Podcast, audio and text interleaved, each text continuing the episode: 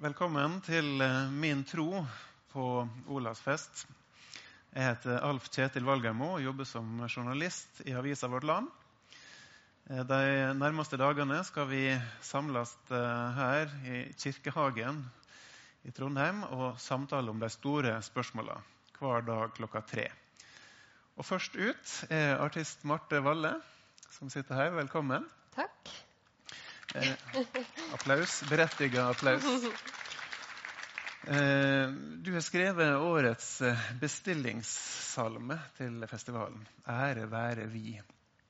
Eh, og Formuleringa vektlegger jo 'vi' når jeg hører tittelen. Som i salmesetting eh, et uttrykk som gjerne er kanskje 'ære være Gud'. Mm. Eh, jeg tenker også på Hallis Moren Vesaas og diktet 'Tung tids tale'. Det heter ikke 'jeg' nå lenger, det heter 'vi'. Mm. Hvorfor er det så viktig å si 'vi' i dag? Jeg tror at uh, det handler mye om for meg uh, at det blir nesten som en sånn slags protest mot den retninga jeg føler at vi går i, der det er individet som skal dyrkes. Uh, og jeg snakker med mange mennesker som sier at de føler at den tida vi lever i, med de kravene som ligger til individet, og alt vi skal lykkes med, og alt vi skal få til, og det fokuset på individets lykke eh, Det er veldig mange som føler at de ikke får til det. Og det kan jo ikke være sånn at det er det som skal være meninga. Så jeg tror vi må kanskje tenke at det er en sånn blindvei, og så heller gå tilbake til fellesskapet. Og at det er der vi skal finne de verdiene som er mest bærekraftige for oss alle i et solidaritetsperspektiv. Mm. Eh, Kan du fortelle litt om hvordan det er å skrive en, en salme? Er du i vi-et hele tida, eller er det noen henvendelse også til noen form for Gud, f.eks.? Ja, det var utrolig vanskelig, og jeg plagdes lenge. Um, men så bestemte jeg meg til slutt for at jeg skulle prøve å skrive litt eh, Eller så ærlig som jeg klarte, da. Fordi at trua eh, Jeg kjenner at den har blitt mer skjør og mer sårbar i møte med alt det som ikke er sånn som det skal være der ute i verden. Så den starter rett og slett som ei bønn, bønn, ei bønn til, til Vår Herre med et spørsmål om er du der. Og hvis du er der, så, så er det nå at vi trenger den hjelpa til å finne tilbake til hverandre. Mm. Eh, En barnesang som jeg eh, har spilt mye for ungene mine, så heter det i i verselinje 'Vi er et ord med himmel i'. Mm. Den, den liker jeg veldig godt. Og så er det jo også opp til oss å realisere måte, denne himmelen i, i dette vi-et. For det er jo mange måter også å bruke ordet 'vi' på. Mm. Det er nokså stor forskjell mellom et kan du si, et ekskluderende vi, som, er, som frykter andre og lukker ute, og et vi som er raust og, og inkluderende. Mm. Og du har jo sjøl kjent på det negative vi og blitt utsatt for hets eh, for ditt engasjement. Mm. Eh, hvordan, hvordan ble det, det rause Hvordan oppsto denne rause vi-forståelsen i deg? Når ble engasjementet ditt for de svake vekt? Mm, nei, det er ikke godt å si, men det handler vel om at jeg er oppdratt i en heim der det var fokus på at vi skulle forholde oss til det som skjedde ute i verden. Og fokus på at det er viktig å ta stilling til urett. Mm. Uh, så det var jo sånn Jeg vokste opp med en mor som er agnostiker, og en far som er kristen. og har vokst opp med å være mye i kirka, men jeg føler at både den kirka som vi gikk i, og foreldrene mine har vært veldig flinke til å sette de viktigste verdiene ut i livet. Vise det i praksis. Mm. Eh, så det er jo Det er ikke godt å si når det liksom inntreffer, men så har jeg jo Det har alltid vært en sånn eh, eh, grunntone i, i meg, og at jeg har følt etter hvert som at jeg har eh, jobba med min egen karriere og som artist, så har jeg kjent veldig på at jo mer rom man får og skal ta plass i, jo større ansvar har man for hva man eh, formidler. Og jo eldre jeg blir, jo mer kjenner jeg på det at, uh, at jeg kan bli helt svett av den norske offentligheten innimellom. Og jeg kjenner på et sånt stort ansvar om at det skal, skal du ut og ta plass, så er det fint å reflektere litt over hva du skal gjøre det med. Mm. For du har kjent på at det er et, et sprik, og et også økende sprik, nærmest mellom den urett, uretten som vi ser rundt oss, og vår vilje eller manglende vilje til å vise solidaritet. Mm. Absolutt. Og eh, når folk skriver til meg som er veldig sint eh, Det er viktig å få fram at de fleste som skriver til meg, er er folk som er opprørt, og som er fortvilt, og som mener at vi gjør for lite. Uh, men når folk skriver til meg som mener at jeg tar feil, og at jeg er naiv, og at jeg er såkalt godhetstyrann, som er jo et sånt fint nyord mm. så, Og så er de så sinte, noen av de, og det er så sterke ord de bruker, at jeg lurer veldig på hvor kommer den her um, hvor kommer den fra, den tanken om at uh, man, vi har gjort oss fortjent mm. til det, vi, det, som gjør at vi har det så bra? Mm. Uh, og den mangelen på vilje til å, å dele og være raus Jeg har store problemer med å forstå det. Og så er det jo også som, um, som vi snakker, har snakka om en del her på Olavsfest, det er jo samfunnet vårt som blir mer og mer polarisert, og som gjør at det er vanskeligere og vanskeligere å finne rom der vi kan snakke sammen. Og jeg tror at offentligheten nå går glipp av fryktelig mange gode og kloke stemmer fordi at folk er skremt, og de tør ikke. Eh, jeg kjenner sjøl på det at jeg i lange perioder må bare trekke meg unna. Ikke uh, ytre meg fordi at det koster så mye. Mm. Det, er liksom, det er så mye mer angrep og, og, kamp enn hva det er felles refleksjon og nysgjerrighet. Og, og så viser man, Det viser seg jo ofte at begynner man å grave litt i de holdningene, så finner man ut at det handler jo om andre ting. Det handler om frykt. Og ok, hva kommer den frykten av? da? At man ikke har uh, vært utsatt for menneskemøter der man, uh, man ser at Oi, uh, her er det jo veldig veldig mye mer som gjør oss like enn det som skiller oss. Mm. Og vi har det der eh, mer fokuset på at ting er så svart-hvitt, og så melder vi oss ut når det viser seg at ting er mer komplisert enn som så, for det krever jo litt av oss. Jeg tenker jo, Siden dette er min troen-samtale, så, så, må det vel være lov å sitere Bibelen. Og jeg tenker jo på det Jesus sa, mm. om at uh, alt det ikke gjorde mot en av disse minste, mm. Det har det heller ikke gjort mot meg. Mm. Det er en ganske kraftig budskap. Ja. Hvorfor tar ikke vi det mer på alvor? Mm. Tenker ofte på det når vi reiser ned til Hellas. Så sitter vi som regel på flyet med turister, gjerne fra Norge. Mm. Eh, chartertrafikk. Mm. De skal til den delen av øya, og vi skal til den andre. Og det er vel så sterke kontraster som det er mulig å få, tror jeg. Ja, ja for du har vært flere ganger i, i, i Moria-leiren også, på Lesbos. Og, og, og, sett de lidende barna der, ikke minst. Altså, hva, hva gjør det med deg? Nei, det Med meg personlig så så har det jo gjort mye. Men først og fremst så er det jo en sånn følelse av forpliktelse, det her å være et vitne.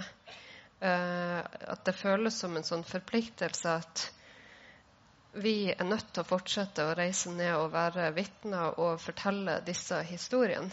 Fordi at ting er, blir bare verre og verre og verre.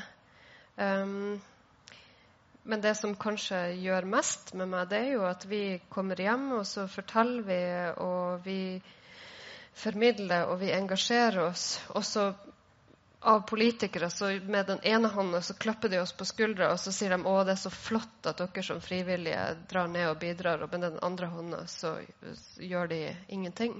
Mm. Uh, og det føles så fortvilende. Mm. Og jeg har lurt på sjøl som frivillig noen ganger om vi er vi med på å opprettholde problemet med at vi reiser ned. For det er jo faktisk de frivillige som gir helsehjelp, som sørger for at det er et minimalt aktivitetstilbud til ungene, som sørger for at folk får klær og sanitetsprodukter. Hva hvis vi frivillige Hva, hva skjer da, hvis vi lar være å dra? Mm.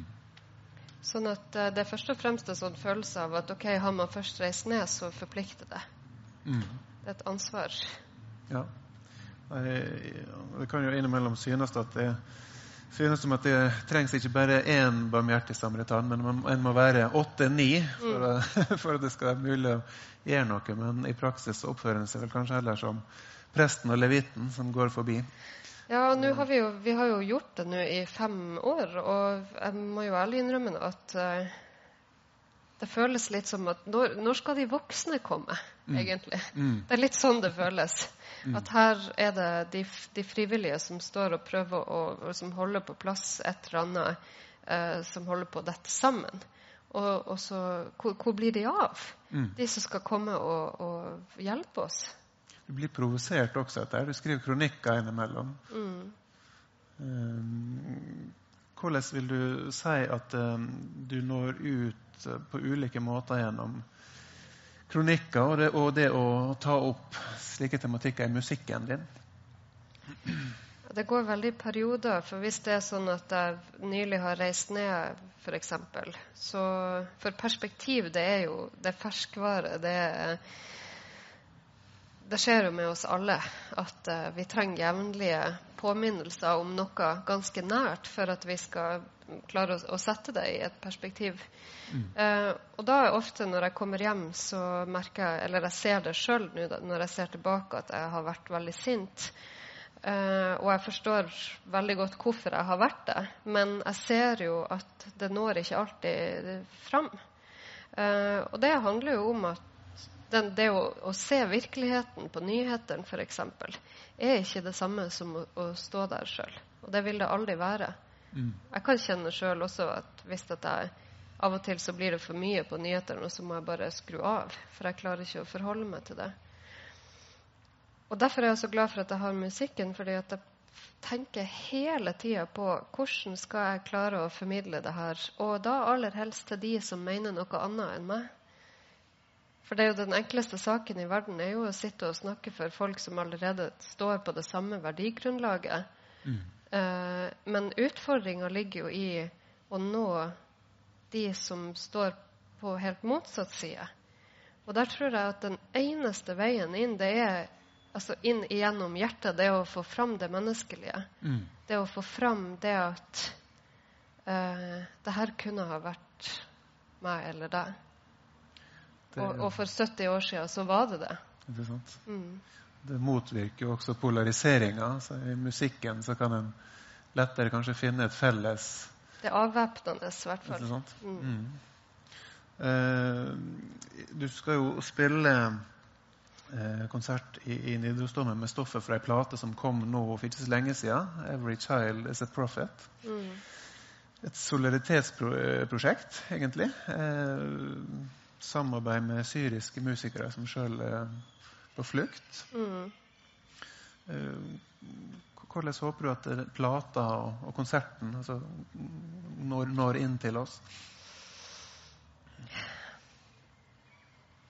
Et, det som var utrolig viktig for oss når vi skulle jobbe med dette prosjektet, det var, og det som er så sterkt med det, det er jo at eh, det er syrisk komponist, og så er det syrisk eh, tekstforfatter, eller poet, som har skrevet tekstene. Eh, og det viktigste var jo at eh, disse som har laga tekstene og musikken, de gjør det i solidaritet med de menneskene som sitter fast i disse leirene på europeisk jord. Og jeg tror at vi lever i ei tid der vi må Vi er så bortskjemte, vi som har vokst opp i min generasjon. Sånn, vi tar demokrati og, og, frihet og disse tingene for gitt. Men, men vi, vi, må passe veldig godt på nå, fordi det, det, skjer en sånn dehumanisering av mennesker på flukt. Uh, som sniker seg gradvis mer og mer inn i politisk retorikk og hva man tillater av uh, altså Hvordan man inviterer inn meningsfeller fra ytre høyre, og, og som på sånn nesten umerkelig mer legitimerer en slags sånn dehumanisering som er kjempeskummel. Og vår intensjon med dette prosjektet det var jo få, at de skulle få fortelle de historiene. Eh, sånn som Manar, som uh, Al-Hashemi, som er fra Homs i Syria, som er med og spiller på, på prosjektet, han sier det veldig fint at det, når Han har bodd i Norge da siden 2016. Når slutter jeg å være flyktning? Altså når, når er ikke det lenger identiteten min? Mm. Når skal jeg, For han er musiker og spiller på mange scener i Bergen. Og så sier han når skal folk slutte å presentere meg som flyktning? Og når kan jeg gå over til å bli musiker eller, eller hva som helst annet da, i den settingen han er i. Den her identitetsløse flyktningebeskrivelsen som fratar ethvert individ mm. sin egen menneskelighet. Mm. Og det er kanskje noe av det som er så frustrerende å se uh, når vi er i leiren. Det er jo ikke nødvendigvis de syk, de, de, fysiske på en måte, konsekvensene av det å bo sånn. Men det, det psykiske, det å, at livet er satt på vent på ubestemt tid eh, Du, du vet ikke når den situasjonen opphører. Det er, uf, det er, ubeskrivelig tungt for psyken. Jeg tror ikke noen av oss kan forestille oss det.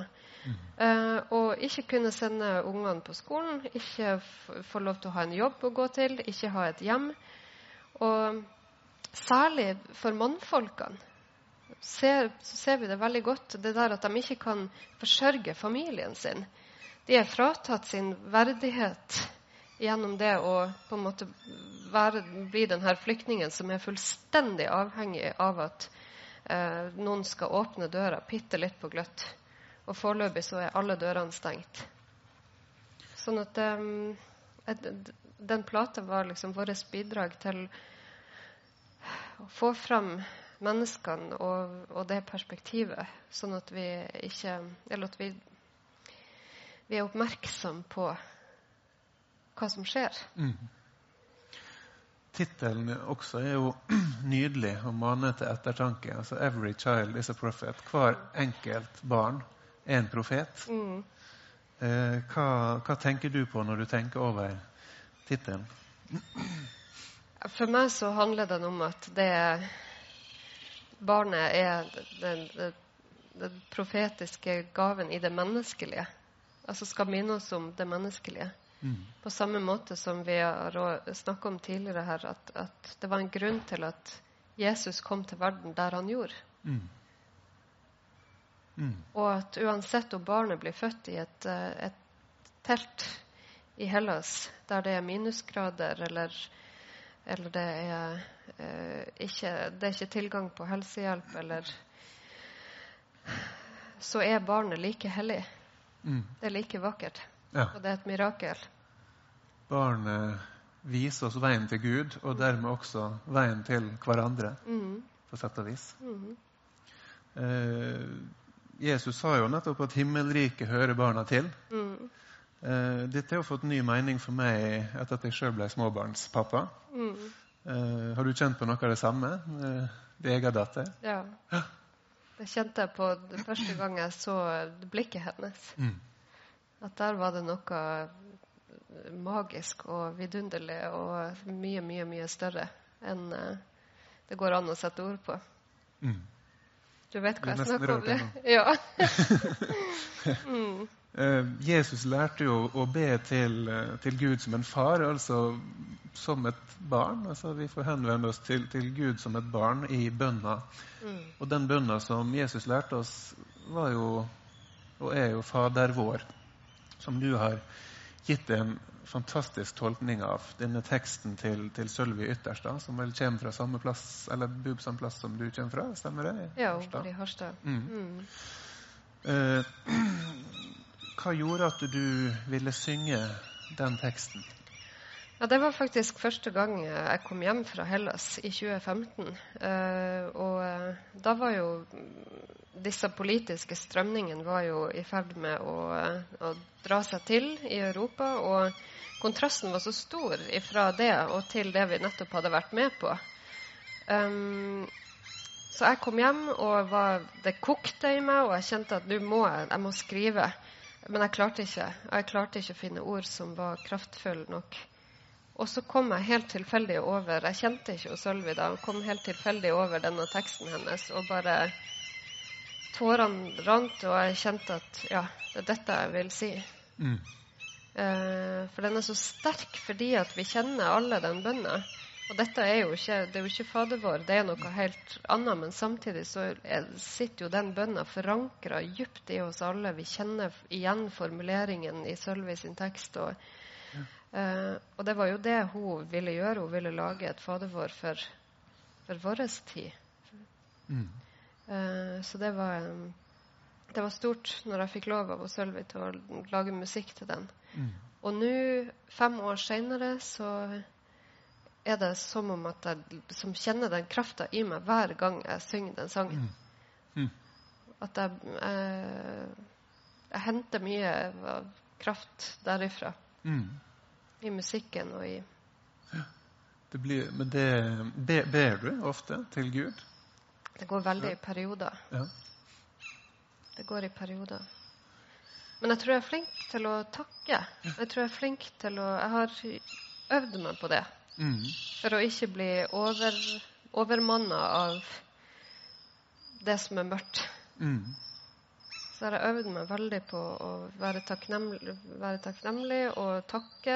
Eh, særlig for naturen. Mm. Så om det ikke blir den, den derre den, hele den bønna, så sender jeg veldig ofte takknemlighet. Veldig viktig for å ikke ta alt for gitt. Mm.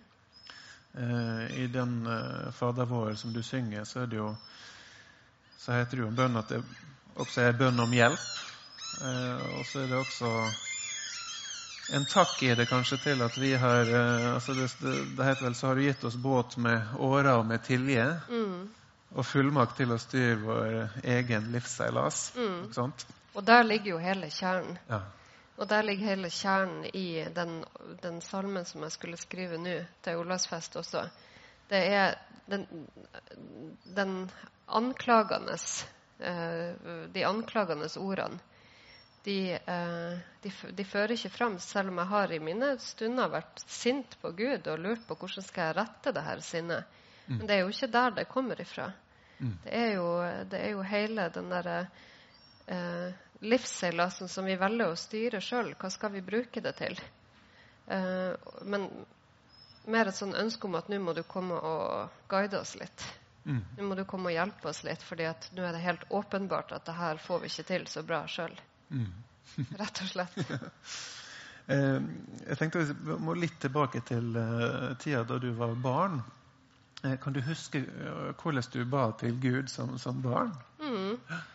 Kan du fortelle litt om det? Jeg var, veldig, uh, jeg var et veldig bekymra barn. Jeg var bekymra for mye. Mm. Og det husker jeg at jeg begynte med ganske tidlig monster under senga og sånn? Eller? Nei, mer sånn at jeg jorda skulle gå under. Jorda skulle ja. under, ja. ja. uh, og så var jeg veldig sånn der eh, Jeg var ganske rebelsk av meg tidlig. Jeg ville ikke bruke den aftenbønna som jeg hadde lært i kirka. Nei. Jeg ville ha mine egne. Egne ord? Ja. Nesten karismatisk. uh, men uh, men jeg følte jeg, jeg, tror at jeg har tenkt mye på det her, og jeg tror jeg kan liksom huske ganske tidlig av at jeg følte den der eh, kontakten ja. og den krafta. Ja. Um, og, og, sånn er jo barn fantastisk også, for man er så åpen da. Mm. Og det er ikke så mye imellom. Så det kan først og fremst huske at bønn er, var for meg en måte som jeg fant trøst i og ro. Mm. Og, er det sånn fortsatt? Ja, men altfor sjelden. Mm. Altfor sjelden. Jeg vet ikke helt hvorfor det blir sånn. Men, ja. Men- Og det handler vel også om at trua er mer skjør nå. Altså den, det, det er den. Og at kanskje litt for ofte så er den der den desillusjonerte delen av meg eh, tar overhånd og blir litt sånn Ja, men Mm. hvorfor? Mm. Eller hva er vitsen? Eller Mm. Jeg har hatt oftere og oftere sånne perioder hvor jeg har nå følt meg veldig sånn desillusjonert og lurer på hva er det egentlig som skal til. Mm. Du skriver ikke lenger brev til Gud. Det gjør du som barn, Mm. vet jeg. På rosa brevpapir. Ja. Jeg har det enda Ja. i boden. Ja, du har det? Mm. Ja. Men, eh, men eh, bakgrunnen for det var nokså trist. For det var at, eh, hvis jeg ikke tar feil nå, at mormor di døde. Mm. Da skrev du brev. Mm.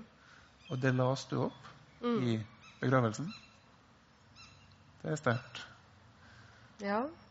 Eh, hva fikk det til å skrive? Sikkert litt det samme som det her med at jeg fant trøst i bønna. Så er det noe med å formulere egne tanker. Mm. Eh, for jeg tror vel også har alltid vært litt sånn at det kan fort bli sånn kaotisk oppe i hodet mitt.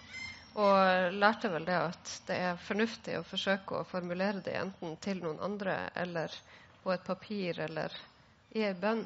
Mm. Eh, og at det er med på å sortere litt. Mm. Og akkurat i den der eh, situasjonen der med mormor, så tror jeg det handla om eh, For da husker jeg at mamma var så forferdelig lei seg. Selvfølgelig. Hun hadde jo mista mammaen sin. Og så eh, Jeg tror det var mest for hun mamma at jeg hadde lyst til å gjøre noe for hun mamma. Mm. Mm.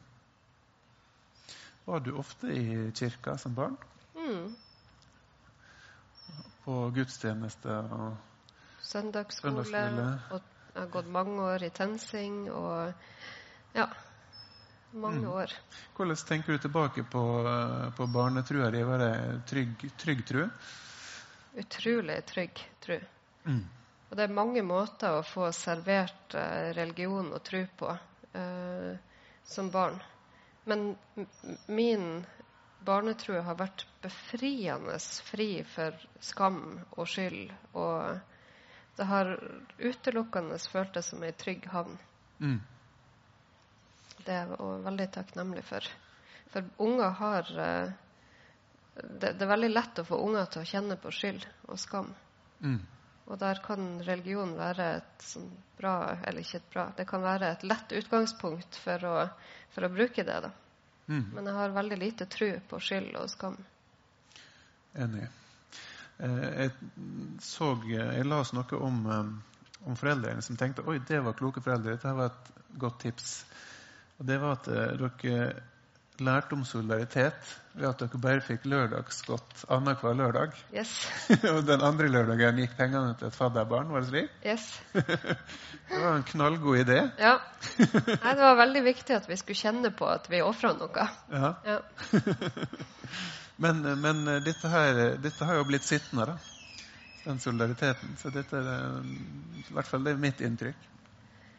Ja, jeg elsker ordet solidaritet. For meg så er det et av de aller viktigste ordene som finnes. Og jeg har jo nå Første gang jeg reiste til, eh, til Palestina, det var i 2007, og siden da så har jeg fått ufattelig mye igjen for å reise ut og være i felt. Men så har jeg òg møtt veldig mange mennesker i bistandsbransjen, og Norge har jo en lang bistandstradisjon.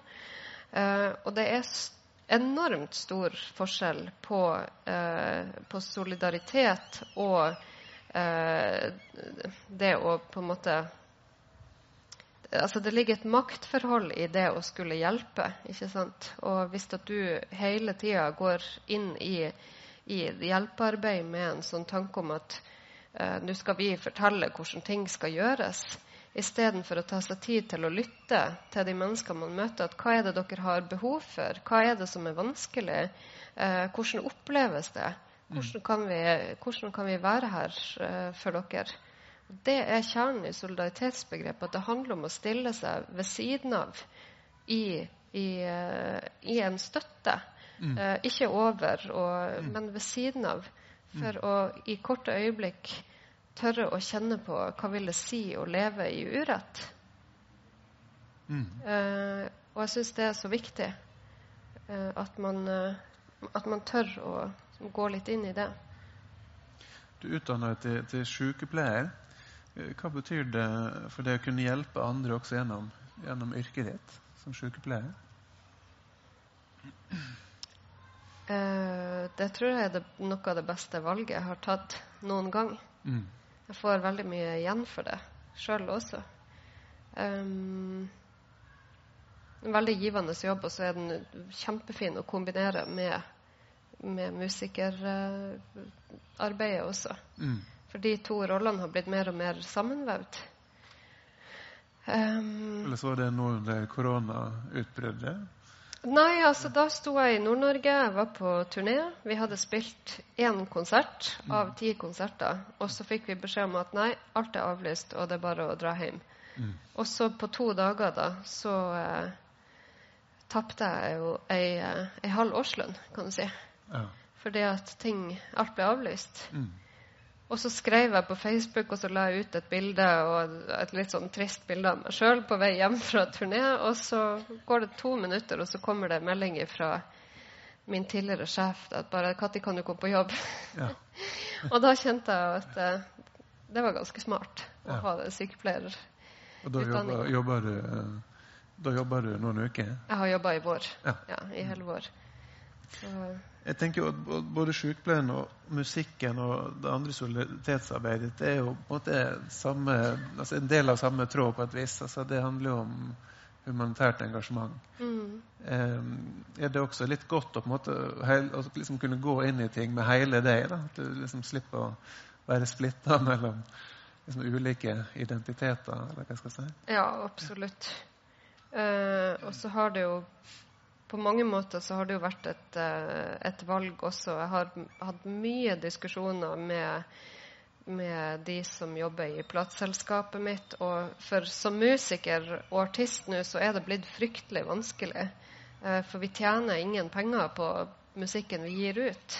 Selv om det skal være tilgjengelig for alle, så, så er det utrolig vanskelig å tjene penger på den. Mm. Eh, så det er en sånn, hele tida en sånn diskusjon da, med hvordan skal man nå ut. Og, og der er jo en del av de valgene som jeg har tatt, som ikke akkurat hjelper meg i kommersiell retning, for å si det sånn. Men, eh, men jeg er glad for at jeg nå har funnet fram til, etter mange mange år, hvor jeg har jobba med folk i bransjen som har forsøkt å dytte meg mer i den kommersielle retninga, så har jeg funnet de som forstår hvorfor eh, det betyr, betyr noe for meg. Mm. Um, så nå i mai så fikk jeg telefon fra en produsent i TV 2 som var veldig opptatt av at skulle, han ville ha meg med i Farmen kjendis. Ja. Og så sa han at ja, men du aner ikke hva det her kommer til å ha å si for streamingtallene dine, og, og vi trenger en sånn sint nordlending, sa han. Okay. Du fylte den rollen. Ja, ja, ja. Det var litt overraskende, egentlig. Så sa jeg det liksom på spøk til de her i plateselskapet mitt at jeg er blitt oppringt av Og han ringte ikke bare én gang, han ringte fire ganger. Han nekta å gi seg. Ja. Jeg har fått spørsmål om å være med på Farmen kjendis, og de bare 'Hæ, hvorfor sa du ikke ja?' For de, jo, de kjenner jo på det her at det er tungt å liksom gi ut musikk i uh, Vi er jo avhengig av sosiale medier, og der er det jo de som roper høyest, som får mest plass. Mm.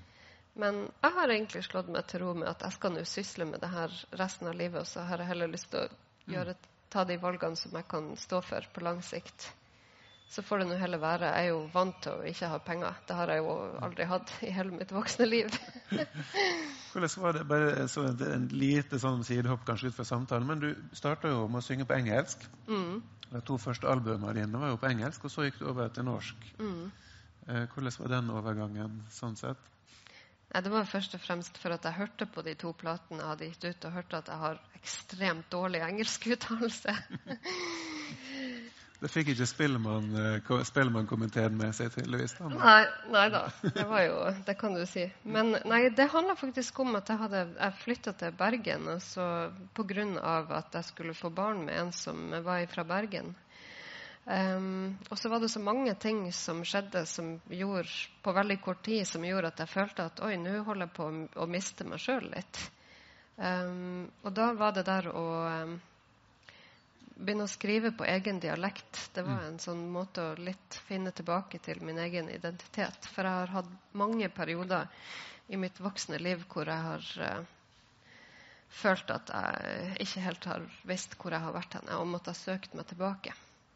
Interessant at du sier det. for jeg, du vokste jo opp med sterk barnetru. Eh, og så sa du i et mentrointervju som vi gjorde i avisa i Vårt Land for noen år siden, at eh, da du fikk barn med en som var, hadde muslimsk tro, mm. så satte det i gang nye tankeprosesser også hos deg. Mm. Eh, dette var kanskje litt sånn på samme tida. da, at Noe med å søke seg tilbake osv. Ja. Hvordan arter dette seg i form av dine refleksjoner rundt tru og livssyn? Nei, det, når du får barn, så, så plutselig blir du jo på en måte Du må jo gjøre deg opp en del meninger om hva du har lyst til å føre videre. Og det med barnetrua mi og den oppveksten, eh, og hvordan de, de kristne verdiene var blitt forvalta i min egen oppvekst, kjente jeg var en utrolig stor del av meg. Eh, og spesielt med tanke på da, at han som jeg fikk barn med, eh, er muslim, så, eh, så var det viktig å på en måte søke i den identiteten og ta noen sånne valg på OK, men hvordan skal jeg gjøre det? Mm. Uh, og det er jeg utrolig glad for, for hvis ikke så hadde det kanskje, hadde det kanskje bare fortsatt da, uten at jeg hadde reflektert så mye over de tingene og hvilken plass det egentlig hadde i mitt liv. Mm. Og jeg begynte å ta det inn i musikken min og i tekstene, og jeg søkte mye mer imot eh, samarbeidet i kirka. Og eh, jeg, jeg, følte at det, det, var mange ting som datt litt mer på plass. Mm. Og det med kirka og kirkerommet det snakker vi så vidt om på, på, bak her. altså Du skal jo inn i Nidarosdomen senere i dag. Og du har tidligere sunget i, i kor der. Mm. Da sa du noe om at du ble så rørt når du sto der og skulle synge. Ja. Kan du fortelle litt mer om det? Hva, hva gjør kirkerommet med deg? Jeg sang i domkoret. Jeg bodde jo mange år her i Trondheim og sang i domkoret. Og da var det spesielt ett år vi hadde urfremføring av Ståle Kleiberg sitt 'Rekvem' for de, som, de, de tre største gruppene som mista livet under andre verdenskrig. Og med Trondheim Symfoniorkester. Og jeg var altså en helt ubrukelig korist på den konserten, for jeg sto bare og gråt. og det var noe musikk er jo så Du merker det når du kommer inn i kirkerommet, så merker du at å ja, OK, det er dette rommet denne musikken er laga for. Eh, det er sånn det skal høres, og det er sånn det skal eh, lyttes til. Eh, jeg er opptatt av at noen rom Vi må ha noen rom som fortsatt er hellige. Og vi trenger det mer enn noensinne, tror jeg. Der det er noen rom som ikke krever noe annet av individet, annet enn at du skal få være, og du skal få kjenne hva er det som skjer inni her. Um, og det, vi må beskytte det. Mm. Fordi at um, jeg, jeg, tror at altså, vi må tørre å legge til rette for mer, mer refleksjon. Mm. Og mer ettertanke og stillhet. Og den der type stillheten som ikke ber oss om å være noe, men der vi bare får være. Mm. Det er jo nydelig. Du er jo litt sånn beskjeden på, på dine egne trosvegne, både i starten av samtalen her og også i festivalheftet. Mm. Og du, sier jo der også at du tenker ikke at du er en spesielt religiøs person. Ja, eh, men jeg tenker at religion og tro er to forskjellige ja, ting. Ja. Mm. Det er det i hvert fall for meg. Mm. Uh, men, men, det er jo litt sånn som et perspektiv, som vi uh, snakka om i stad. At det, det, med at det er ferskvare, så tror jeg også at trua er ferskvare. Mm. Uh, men uh, jeg syns det er vanskelig. Jeg syns det er vanskelig For har, de siste årene uh, Jeg merker at det har gjort noe med meg. og jeg, jeg, skulle ønske at jeg klarte bedre å hente hente fram den krafta i, i trua. Mm. Og jeg, jeg, forstår ikke helt hvorfor jeg ikke kjenner den sterkere. Mm.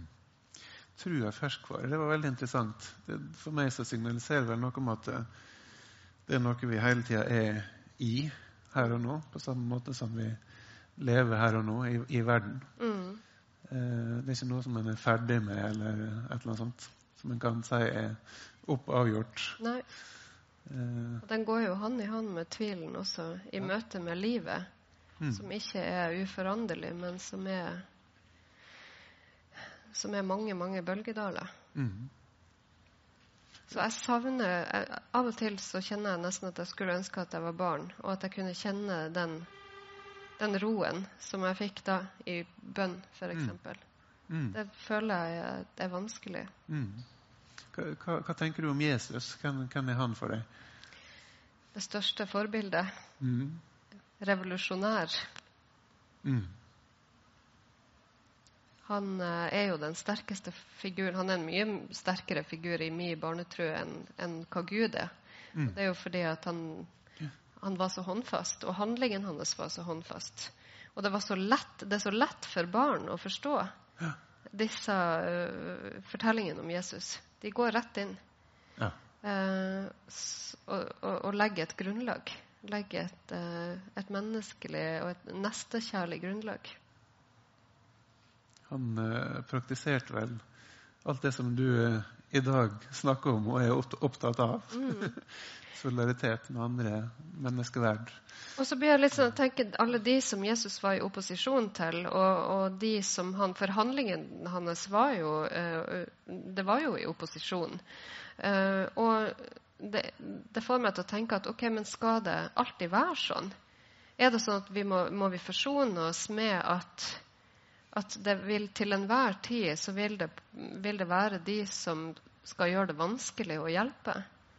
Mm. Eh, og at jeg tenker at det viktigste er kanskje ikke nødvendigvis hva er resultatet på slutten av veien, men, men hva er det, de handlingene man gjør underveis. Mm. For Jesus heller hadde jo ikke noe garanti. Han gjorde jo bare det han mente var riktig. Mm. Eh, og han visste at, uh, at uh, det ikke nødvendigvis var de enkleste tingene å gjøre. Kristendommen ble vel kalt for veien helt i starten. Så det er jo noe med at vi hele tida er på en vei og i bevegelse og forandring. Ja. Tusen takk for at du tok deg tid til å sitte ned. Jeg er veldig glad for at vi hadde dette rommet her mm. ute Det til å snakke om disse spørsmålene. Takk for samtalen, Marte. Takk sjøl.